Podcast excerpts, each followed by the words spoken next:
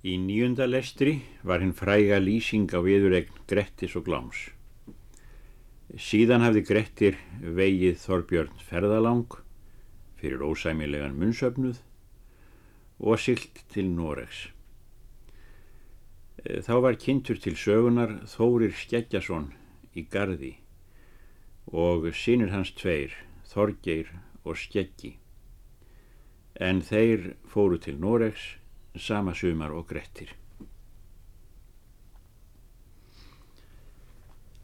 Nú er frá því að segja að þeir Grettir fóru norður með landi, það er Noregi, og fengu oft hörð veður því að þetta var andverðan vetur.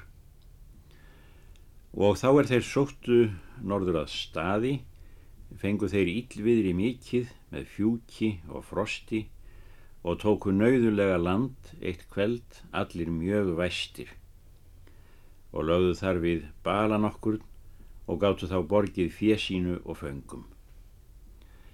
Þeir bárust ítla af kaupmenn því að þeir gáttu eigi tekið eld en þeim þótti þar nálega við líkja heilsa sín og líf. Láðu þeir þar um kveldið all ítla stattir. Þá er áleið kveldið sáu þeir að eldur kom upp mikill öðrum megin þessa sunds er þeir þá voru viðkomnir. En er skipverjar Grettis sáu eldin, töluðu þeir til að sá væri heppin er honum geti náð og efuðust í hvort þeir leysa skildu skipið en það síndust öllum eigi hættulöst. Þá höfðu þeir umtal mikið hvort nokkur maður myndi svo vel fær að næði eldinum. Grettir gaf sér fátt að og segir að verið myndi hafa þeir menn er það myndi eigi trauð að hafa. Kaupmenn sögðu að sér væri eigi að borgnara eh, hvað er verið hafði ef þá væri til einskis að taka. Eða treystir þú þér, Grettir, sögðu þeir, því að þú ert nú mestur atgjörfis maður af íslenskum mönnum kallaður. En þú veist nú gjörla hvað oss liggur á. Grettir svarar, Egi líst mér mikið þrekvirkja ná eldinum, en eigi veit ég hvort þér launið betur, en sá fer á leit er það gerir. Þeir mæltu, hví ætlar þú oss þá svífyrðingar menn? Að við myndum það eigi góðu launa. Reyna má ég þetta ef það er að yður þykir hér allmikið í líkja en eigi segir mér vænt hugur um að ég hafi gott að sög hér fyrir. Þeir hváðu það eigi skildu vera og báðu hann mæla drengja heilastan. Eftir það bjóst Grettir til sunds og kastaði af sér klæðunum. Hann fór í kuppl, einn klæða og söluvoðarbrækur. Eh, Söluvoð var vaðmál unnið sem verslunarvara. Hann stitti upp um sig kupplinn og rak að sér utan bast taug að sér miðjum og hafði með sér kerald. Síðan hljóp hann fyrir borð. Hann lagðist nú yfir þvert sundið og gekk þar á land. Hann sér þar standa eitt hús og heyrði þángað mannamál og glaum mikinn. Grettir sneri að húsinu. Eh, nú er að segja frá þeim sem fyrir voru að hér voru komnir þeir þóris sínir sem fyrir var getið. Þeir hafðu leið þar margar nætur og beðið þar veðurfalls að þeim gæfi norður fyrir staði. Þeir hafðu sest til drikju og voru tólf saman. Þeir lágu í megin höfninni og var þar gert sæluhús mönnum þeim til ívistar er fóru með landi fram og var borin í húsið hálmur mikill, eldur var og mikill á gólfinu. Eh, Grettir ræður nú inn í húsið og vissi eigi hverjir fyrir voru. Köplin var síldur allur, það er freðinn og klökugur, eh, þegar hann kom í land og var hann förðu mikill tilsýndar sem tröll væri.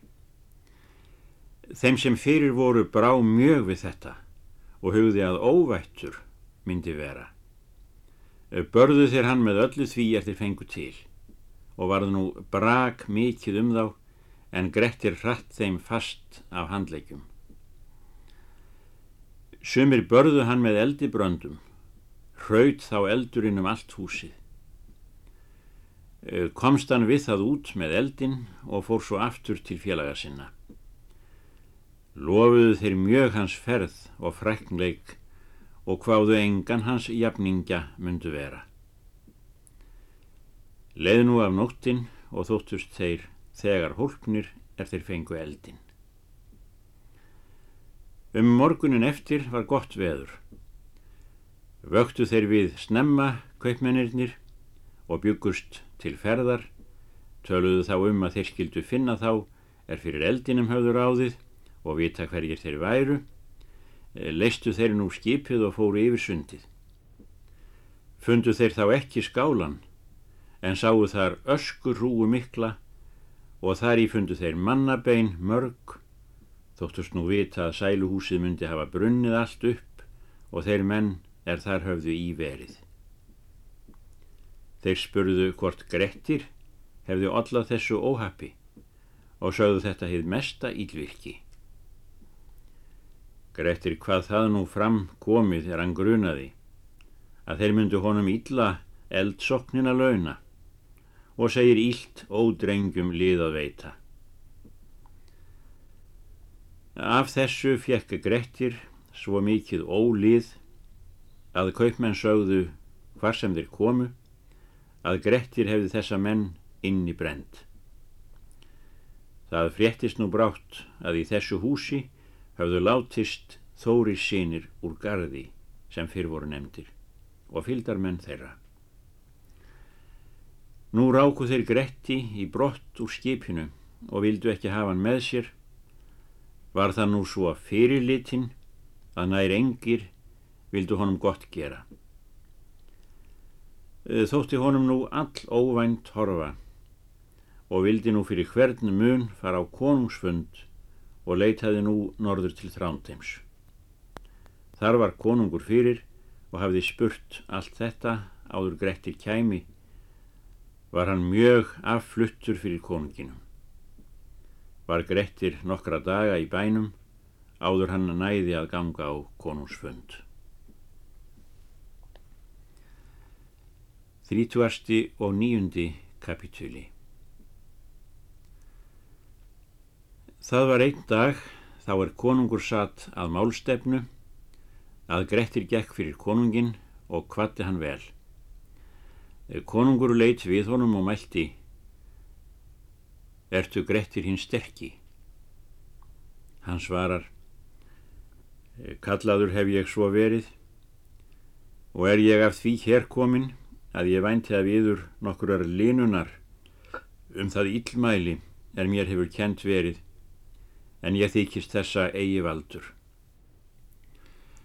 Ólafur konungur mælti Ærið ertu gildur en eigi veit ég hverja gæfu þú ber til að hrinda þessu máli af þér en líkara væri að þú hefðir eigi viljandi mennina inn í brend.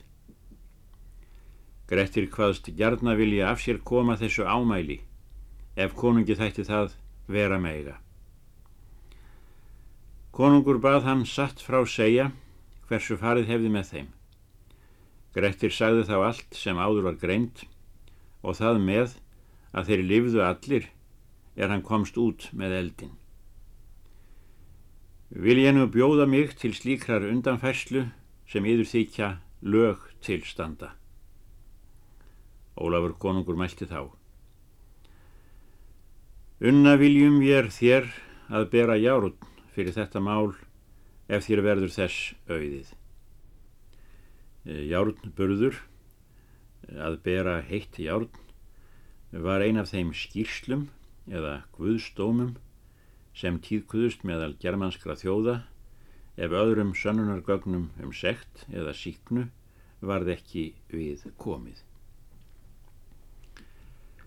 Gretti líkaði það allvel. Tók hann nú að fasta til járnsins og leið til þess er sá dagur kom, er skýrslan skildi framfara. Þá gekk konungur til kirkju og biskup og fjöldi fólks því að mönnum var forvittni á að sjá Gretti, svo mikið sem af honum var sagt. Síðan var Grettir til kirkjuleitur og er hann kom til kirkju, litu þar margir til hans er fyrir voru og töluðu þeir að hann væri ólíkur flestum mönnum sækir afls og vakstar. Gekk Grettir nú innar eftir gólfinu. Þá hljóp fram piltur einn frumvaksta heldur sviplegur og mælti til Grettis.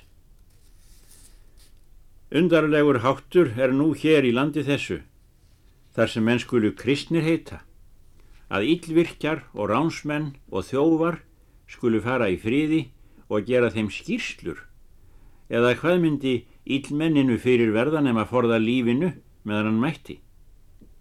Hér er nú einn ódáða maðurinn, er sannreindur er að yllvirkjum og hefur brent inn í saklausa menn og skal hann þó enn ná undan færslu og er þetta all mikill ósiður.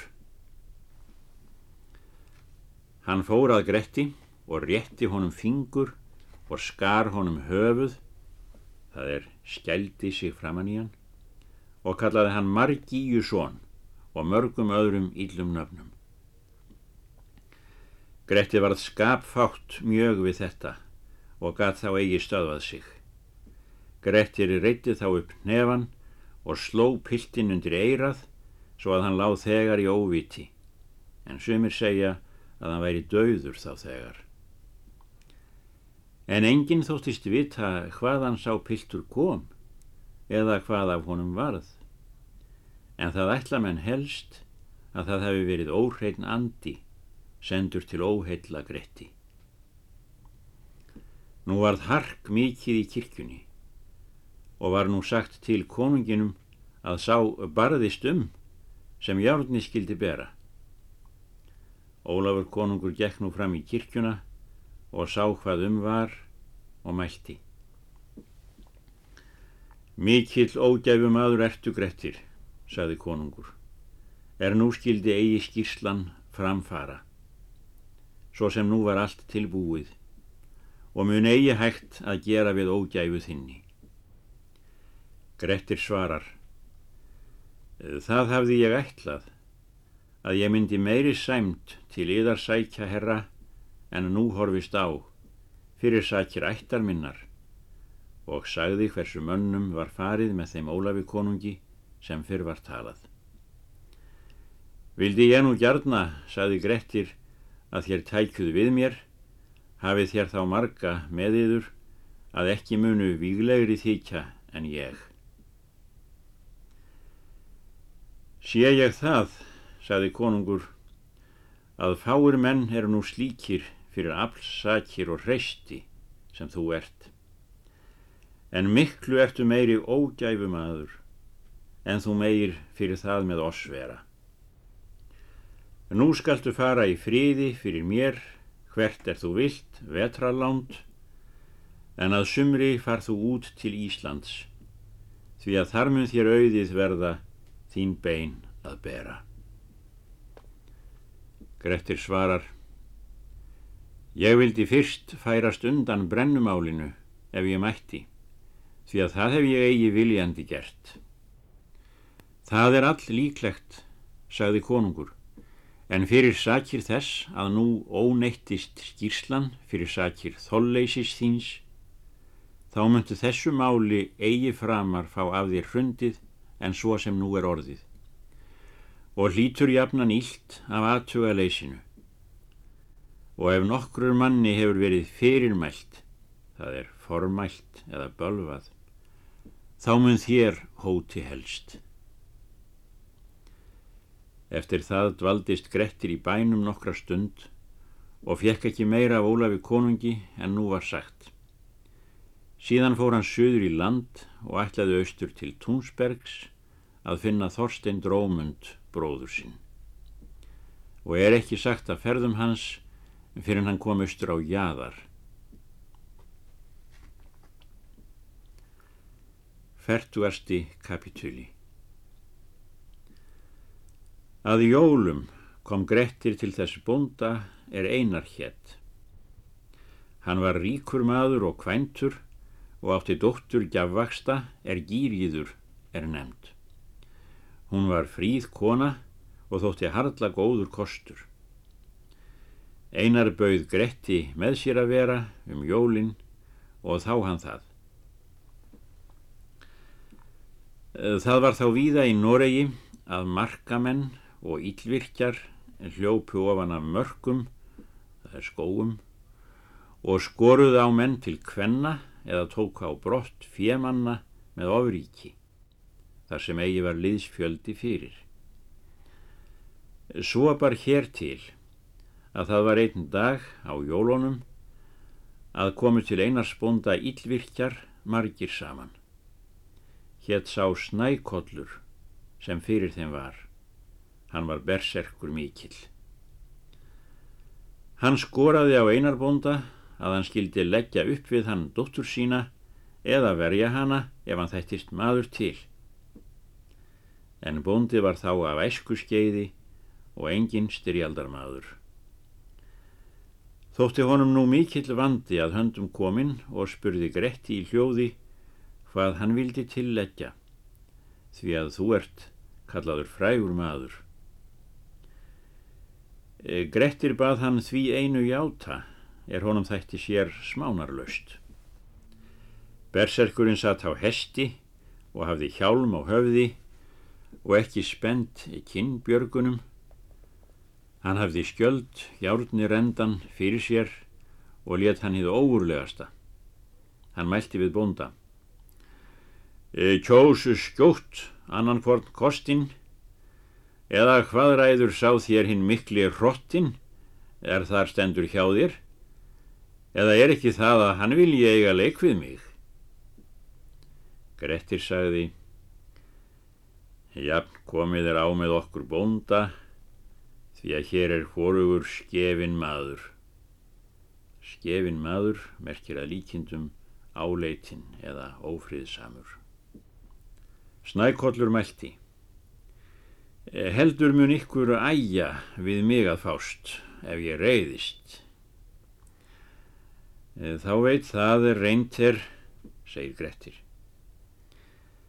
Eh, berserkurinn fann nú undandrátt í málinu tók hann þá að grenja hátt og beit í skjaldaröndina og setti skjöldin upp í munn sér og gein yfir hornið skjaldarins og let all ólmlega. Grettir varpaði sér um völlin og er hann kemur jafn fram hesti berserksins slæra hann fæti sínum neðan undir skjaldarsporðin svo hart að skjöldurinn gekk upp í munnin svo að ripnaði kæfturinn en kjálkarnir hljópu ofan á bringuna. Hann hafði þá allt eitt atriðið að hann þreyfi hjálminn vinstri hendi og svifti vikinginum af baki en hægri hendi brá hann saksinu er hann var gerður með og setti á hálsin svo að aftók höfuðið. En er þetta sáu fyldarmenn snækolls flýði sinn veg hver þeirra. Egin endi grettir að elda þá því að hann sá að engin hugur var í þeim. Þakkaði bóndi honum vel fyrir þetta verk og margir menn aðrir þótti þessi atburður bæði vera hvalleik og harðfengi unnin. Var grettir þar um jólin vel haldinn, leisti bóndi hann vel af gardi, fór grettir síðan austur til Túnsbergs og hitti Þorstein bróður sinn. Tók hann við gretti með blíðu og spurði að ferðum hans og að hann vann berserkinn. Grettir hvað vísu og uh, í vísunni lýsir hann viðurregn sinni við berserkin á sama hátt og frávar skýrt. Þorstein mælti Slingt yrði þér um margt frændi ef eigi fylgdu slísin með. Grettir svarar Þess verður þó getið sem gert er. Fertuastu á fyrsti kapitúli Nú var Grettir með Þorsteini það sem eftir var vetrarins og fram á vorið. Það var einn morgun er þeir bræður Þorstein og Grettir lágu í sveplofti sínu að Grettir hafði lægið hendur sínar undan klæðunum. Þorstein vakti og sá það. Grettir vaknaði litlu síðar. Þá mælti Þorstein. Séð hef ég handleiki þína frændi, sagðan. Og þykir mér eigi undarlegt þó að mörgum verði þung högg þín. Því að einskismanns handleiki hef ég slíka séð. Ef vitamáttir þú það, sagði Grettir, að ég myndi eigi slíku til leiðar koma sem ég hef unnið, ef ég væri eigi all knár. Betur þætti mér, segir Þorstein, þó að væri mjórri og nokkru gæfursamlegri. Grettir segir, Satt er það sem mælt er að engin maður skapar sér sjálfur. Láttu mig nú sjá þína handleggi, segir hann. Þorstein gerði svo. Hann var manna lengstur og grannvaksinn. Grettir brosti að og sagði. Egi þarf að horfa á þetta lengur. Krækt er saman rivjum í þér og egi þykist ég slíkar tengur séð hafa sem þú ber eftir og varðla ætla ég því hvern styrkan. Vera má það, sagði Þorstein, en þó skaltu það vita að þessir hinnir mjóu handleggir munu þín hefna, ella mun þín aldrei hemtverða. Hvað má vita hversu verður um það er líkur, segir Grettir, en all ólíklegt þykir mér það að vera. Egi er þá getið fleira um viðurtal þeirra. Leð nú á vorið kom Grettir sér í skip og fór út til Íslands um sumarið. Skildu þeir bræður með vináttu og sáust aldrei síðan.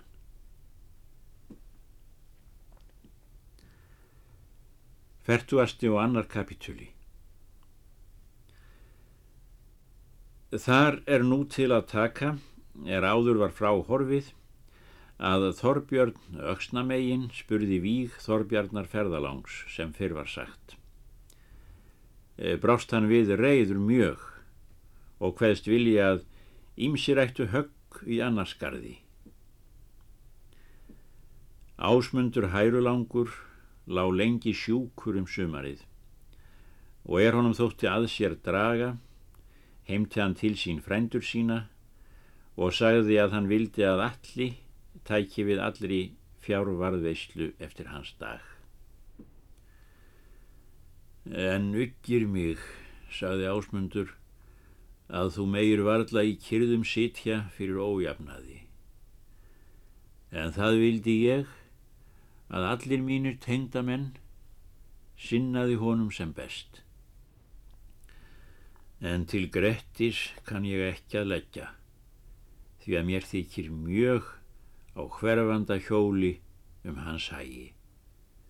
Og þó að hann sé sterkur maður, þá ykkir mig að hann eigi meirum vandræði að vela en fulltingja frændum sínum. En þótt ítlugi sé ungur, þá mun hann þó verða þroskamaður ef hann heldur sér heilum.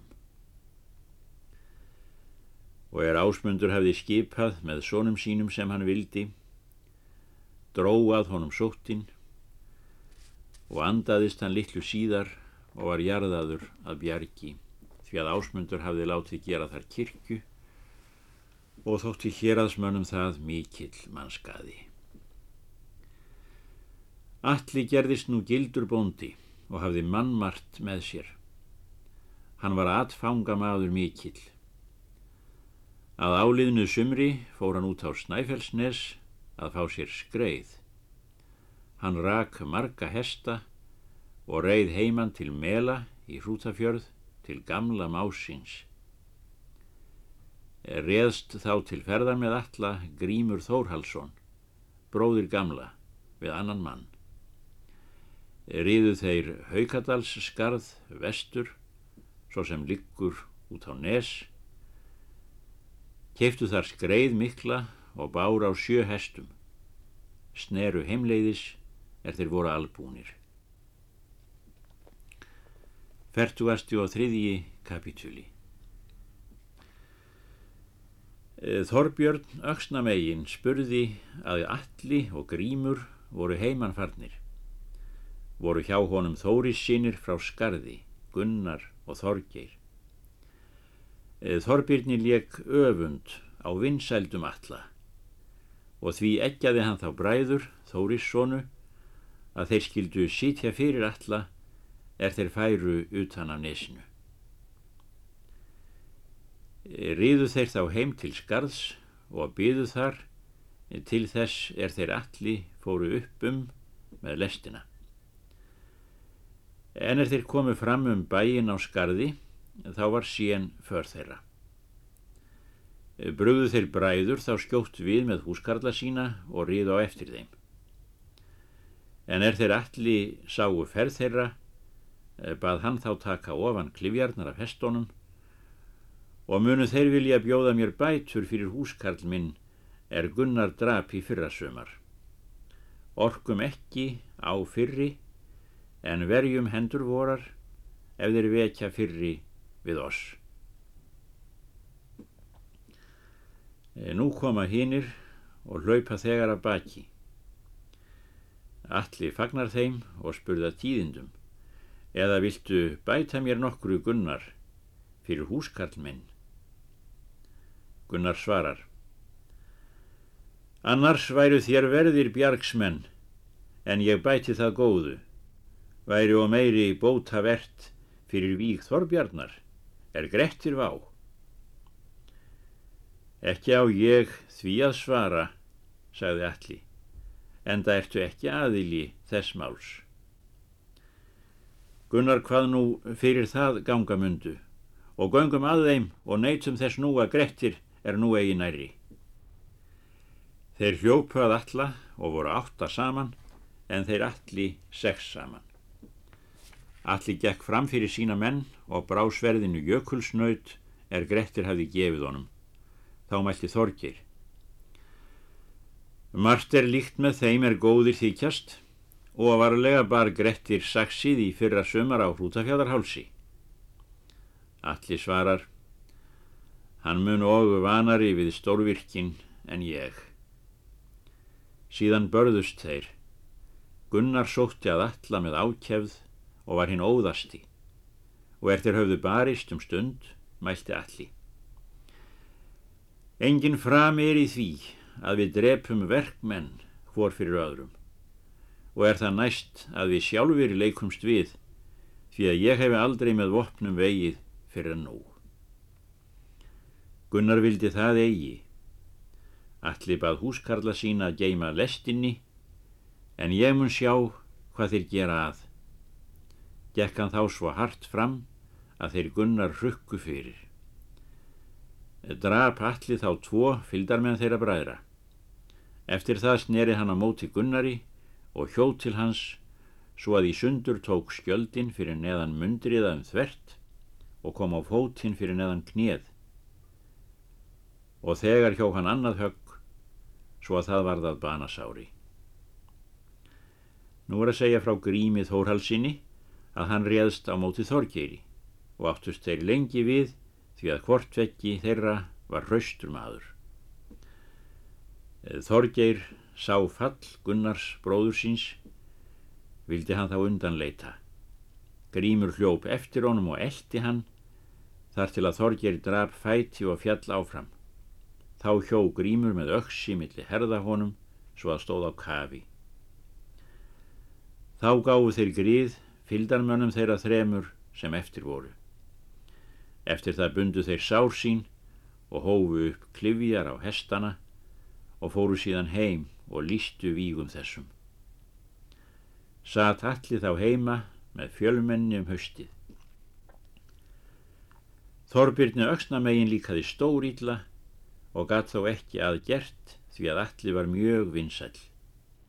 Grímur var þá með honum um veturinn og svo gamli máur hans. Þar var þá og Glúmur Óspaksson, annar máur hans, hann bjóð þá á Eyri í Bitru. Eh, höfðu þeir setu fjölmenna á bjargi og var þar glaumur mikill um veturinn.